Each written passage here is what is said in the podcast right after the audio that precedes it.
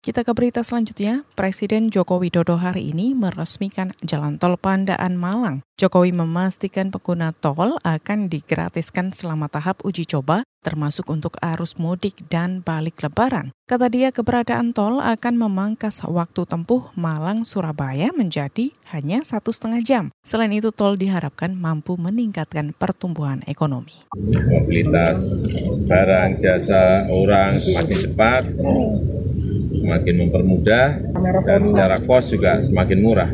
Dan kita harapkan Malang Raya sebagai senternya pariwisata juga di bidang pendidikan, saya kira ini akan sangat membantu sekali untuk pengembangan di bidang pariwisata dan pendidikan. Saudara Jalan Tol Pandaan Malang sepanjang hampir 40 km dibangun dengan anggaran sekitar 5 triliun rupiah. Jalan tol ini dibangun dengan saham patungan dari sejumlah perusahaan plat merah.